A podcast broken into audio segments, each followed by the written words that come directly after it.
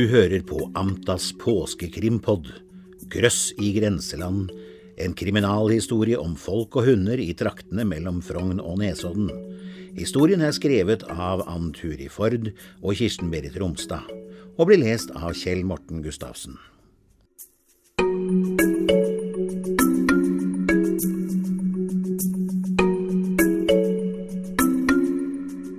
Episode 1 Endelig var snøen begynt å smelte, og Jon Korsli hadde nådd veikanten vis-à-vis Teigen etter det som nok innså han var en av sesongens siste skiturer. Den hadde gått gjennom skogsområdene vest for Midtveien, han tok av seg skiene og fulgte veien bortover mot krysset på Kløfta, og da han nærmet seg fikk han se en liten gul minigraver ved en svær lunde med tømmer. Korslis trofaste turkamerat, den engelske setteren Nesoddhøgdas Rose, til daglig Rosa, dro i båndet som var festet rundt eierens liv. Hun var ivrig etter å inspisere noe borte i tømmerhaugen. Jon løsnet båndet og lot hunden gå fritt. De hadde hatt en deilig tur, én varmegrad og kladdeføre til tross, de hadde tatt bussen til Fjellstrand og i strålende marssol fulgt lysløypa til Fjell og siden løyper og egne spor tilbake til Fagerstrand. Nå skulle de sette fra seg skiene hjemme i Tornkløftkroken og spasere ned til Kaffåsson for en bedre lunsj. Jon Korsli var svært fornøyd med tilværelsen for tiden. Etter nøye vurdering og planlegging hadde han bestemt seg for å gjøre sitt 48. år til et drømmeår. Han hadde søkt om ett års permisjon fra lærerjobben på Myklerud. Han hadde søkt og fått et stipend fra Norsk faglitterære forfatterforening for å skrive om tatere på Nesodden gjennom tidene. Han var selv av taterslekt. Nå gikk han daglig milelange turer langs Nesoddveiene til fots og på ski sammen med Rosa. Han så på fugler, insekter, planter og lav, og i sekken hadde han kaffe, kake, flere kart, kikkerter og Stein Turtemøygards stedsnavn i skogen på Nesodden. Dessuten hadde han bestemt seg for at han skulle spise minst mulig alene nå. Hver dag spiste han på et nytt sted, Folk sa at det ikke fantes møtesteder og kafeer på Nesodden, men det mente Jon var fordi de ikke så godt nok etter. Nå gledet han seg voldsomt til den deilige paien og den friske salaten jentene nede på kaffe og sånn lagde. Det var svært synd hvis det han hørte var sant, at virksomheten skulle stenge. Hvis han nå bare kunne få med seg Rosa. Hun var uvanlig opptatt med noe på baksiden av tømmerlunda. Jon gikk bort til hunden, han kunne se en svart plastsekk stikke frem fra snøen. Jeg skjønner at det er irriterende når man kommer til Teigen med sakene sine og miljøstasjonen er stengt, men å kaste sekker fra seg slik er dårlig gjort, tenkte han. Han undret seg over hvor lenge en slik sekk kunne bli liggende uh, i veikanten før noen tok ansvar for den. Ja, hvem hadde egentlig ansvar for slikt? Fra lomma trakk han fram en sveitserkniv, bøyde seg ned og skar en liten stripe i plasten. En slags tekstil kom til syne. Han kjente en underlig lukt. Han skar litt lenger. Nå kunne han skimte noe som lignet en oransje allværsjakke. Jon bøyde seg frem og børstet vekk snøen. Han kjente at plastsekken var kompakt stappfull av et eller annet, og fikk en svært uhyggelig følelse. Inn fra Burmaveien, eller Fundingsrudveien som den offisielt het, svingte i samme øyeblikk Beate Småfjell i Nesodden kommunes lille sølvgrå K-bil. Dagens første hjemmebesøk var unnagjort, og nå var hun på vei til sitt daglige besøk til Asbjørn Georgsen inne på Midtre Myklerud. Den pensjonerte sjømannen var blitt avhengig av rullestol de siste årene og trengte mye tilsyn.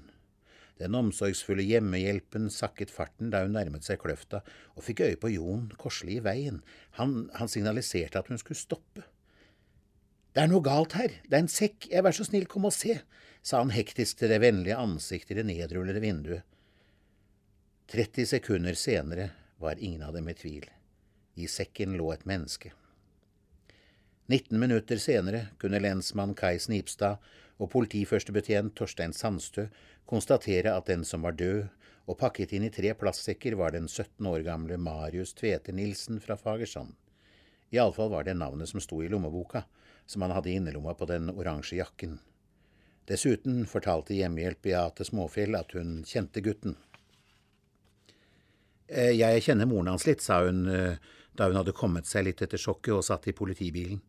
Jeg og Oskar, sønnen min, passer faktisk hunden hennes for tiden. Oskar er så glad i hunder, og det var derfor vi kom i prat med henne. Oskar syns puddelen hennes Piff var så søt. Ja, hun heter Ragnhild Tveter og bor nede på Kongo. Ja, du vet nedenfor mot stranda. Nå er hun på et seminar i hundemeditasjon og energiarbeid i Tromsø. Hun fortalte at Marius var hos faren sin i Fredrikshavn. Hun følte nok litt samhørighet med meg ettersom vi begge er alene med sønner.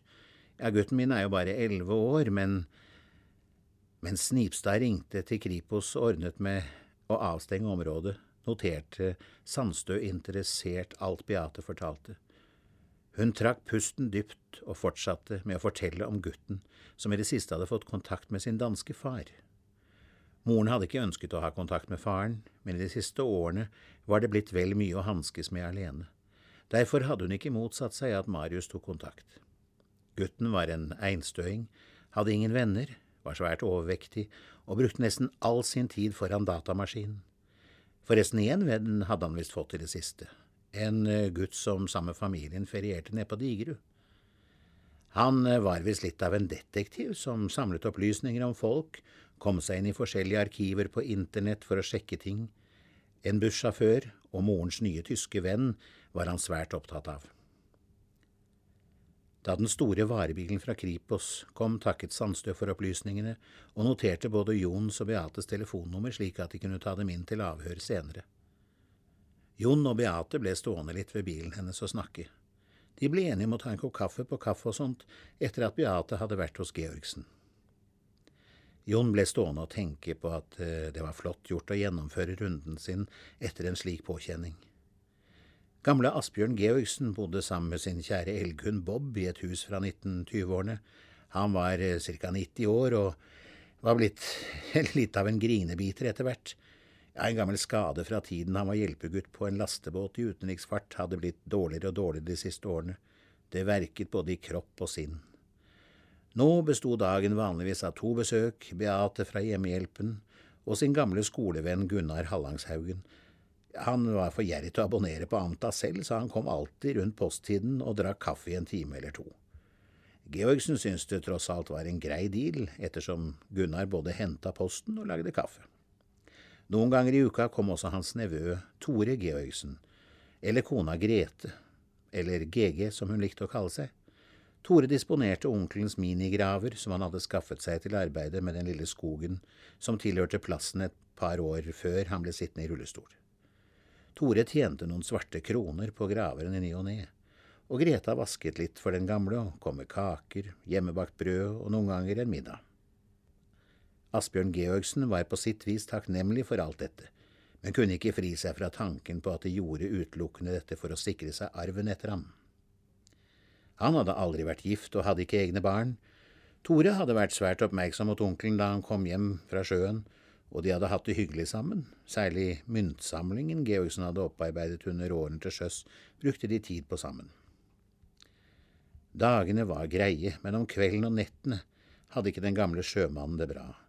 Han sov dårlig, var redd og ble plaget av mareritt og dramatiske ting han hadde opplevd på stimeren han seilte på under krigen. Og så fikk han liksom aldri varmen i kroppen. Ofte strevde han seg opp i stolen og trillet inn på det tilrettelagte badet for å sitte med hendene i glovarmt vann til kulda og redselen slapp taket. Det hadde vært en slik natt i natt, og han var glad for å se Beate da hun kom gjennom døra, men hun så imidlertid ikke særlig pigg ut selv. Det har skjedd noe fryktelig, begynte hun. Så fortalte hun den gamle sjømannen hva hun hadde opplevd denne formiddagen. Du trenger en pjolter, erklærte han og skjenket opp Famous Gross og selters i et kjøkkenglass. Du kan vel la bilen stå her til i morgen tidlig, drikk nå, det er plenty mer på termosflaska, insisterte han. Og Beate bestemte seg for å gi seg hen til mannens røffe omsorg. Da hun en time senere betraktet Jon Korsli over bordet på Absolutt hyggelig, følte Beate seg mye bedre. Det viste at kafeen bak Skogheim, hvor Jon Korsli hadde avtalt å møte henne, var blitt lagt ned. Nå så den hyggelige og registrerte Beate ganske kjekke mannen ut uh, til virkelig å nyte en raus porsjon egg og bacon og stekte poteter. Selv hadde hun akkurat satt gaffelen i en deilig gulrotkake da mobilen begynte å pipe. Det er Snipstad fra politiet her. Vi vil gjerne at du blir med presten hjem til fru Tveter hvis du kan, hun er kommet hjem fra seminaret i Tromsø, viser det seg. Vi har vært i kontakt med psykiateren og fått vite at Ragnhild Tveter er psykisk ustabil. Det kan være godt om du, ja, du som, du som kjenner henne litt, er med. Det kan jeg godt, men jeg må gi beskjed til Oskar. Da hun hadde lagt på, ble Jon med Beate hjem for å være hos Oskar hjemme på Nygårdsfeltet mens moren overrakte dødsbudskapet sammen med sogneprest Anne Marit Trondvik. En stund senere satt Beate, presten og en dypt opprørt mor i stuen i det gamle sommerhuset i en av småveiene ned mot Grisebukta. Ragnhild Tveter var 52 år og hikstet mellom hulkene. Hun hadde aldri forstått sønnen sin. Det var så vanskelig å forstå han. Han ville liksom ikke snakke ordentlig med, og jeg er så følsom, snufset Ragnhild. Og så liker, eh, likte han ikke Kalli. Ja, det er en mann som jeg nylig traff på et kurs i healing og tantra på Nesoddtangen gård. Sognepresten gjenkjente med ett kvinnen i den eh, indiskmønstrede sofaen fra et oppslag i Amta. Hun hadde villet lenke seg fast til pumpelekteren ved Malmøykalven som enkeltperson under slagordet Ånd mot gift. Beate holdt armen sin om, den, om de ristende skuldrene og hadde lovet å komme med piff senere på kvelden, da det banket på døren. Inn kom en høy, mager, mørk skikkelse i fargerike klær. Å, Kalli, det har skjedd noe grusomt, hulket Ragnhild med fornyet styrke. Kalli Gauss, eller Johan Carl Fredrik Gauss som han egentlig het, hadde tatt sitt navn etter den tyske matematikeren, fysikeren, astronomen og optikeren som hadde influert mange fagfelt. Kalli hadde flyttet fra Brunsvik via Sverige og var kommet til Nesodden for noen måneder siden. Nå var han husvenn hos Ragnhild. Han visste nok at hun håpet på noe mer, men holdt henne foreløpig på avstand.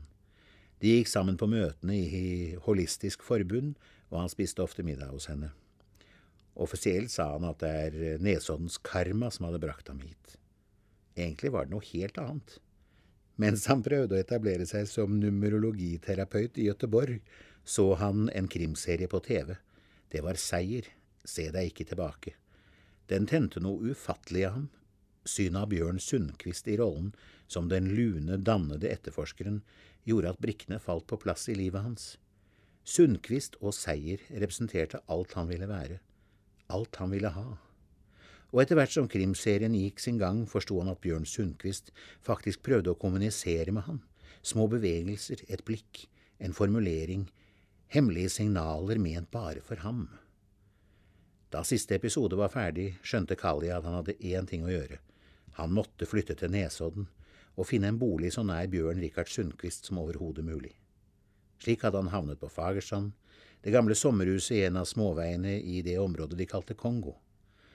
Var alt han hadde hatt penger til foreløpig, men han aktet seg videre, nærmere den fullkomne skuespilleren. Med leonbergeren Kolberg på slep prøvde han å samle seg om hva som foregikk i Ragnhilds stue.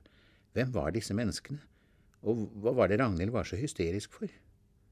På sitt kontor i annen etasje på Tangen nærsenter slår lensmann Kai Gjøran Snipstad nummeret til sin fetter Rolf Viktor Snipstad i Kripos. I tillegg til den nødvendige planleggingen av årets påskemiddag i Rolf Viktor og Klaras hytte i Hallangen, var det flere ting han ville snakke med fetteren om. IT-ekspertene i Kripos hadde allerede sendt en rapport om innholdet på Marius Tvete Nilsens PC. De hadde funnet grundig loggføring om aktivitetene til en bussjåfør på Nesodden, Guttorm Kjensli-Bråten, og et dokument med urovekkende informasjon om morens venn Kalli Gaus. Marius hadde beskrevet hvordan bussjåfør Kjensli-Bråten hadde for vane å levere pakker i forskjellige postkasser på rute 631 over Fagersand og Digerud til Drøbak. Fra sitt gutterom nede i Kongo hadde Marius kunnet se ham legge pakker i eksempel Tore og GG Georgsens kasse. Alt dette ville Kai Snivstad diskutere med sin kloke fetter Rolf Viktor, som ikke er involvert i saken fra Kripos side, lytter interessert, og da Kai beskriver hvordan den store gutten med den knall oransje allværsjakka ble funnet pakket inn i plast, trekker han pusten brått og avbryter. Jeg så ham! Akkurat en sånn gutt i en sånn jakke det så jeg da jeg skulle til Hallangen sist. Jeg, jeg gikk hele veien fra bussholdeplassen ved Skippy, og det var bitende kaldt den natta. Og fra den gamle Digerudskolen, ja, du vet, grendehuset, der gikk gutten bortover mot Fagerstrand og røykte. Det må ha vært, eh, skal vi se, lørdag 11. mars. Det var tydeligvis selskap på Digre grendehus. Jeg synes gutten sjangla litt, øh, og så hadde han ikke på lue. Og det må jo ha vært minst 15 kuldegrader.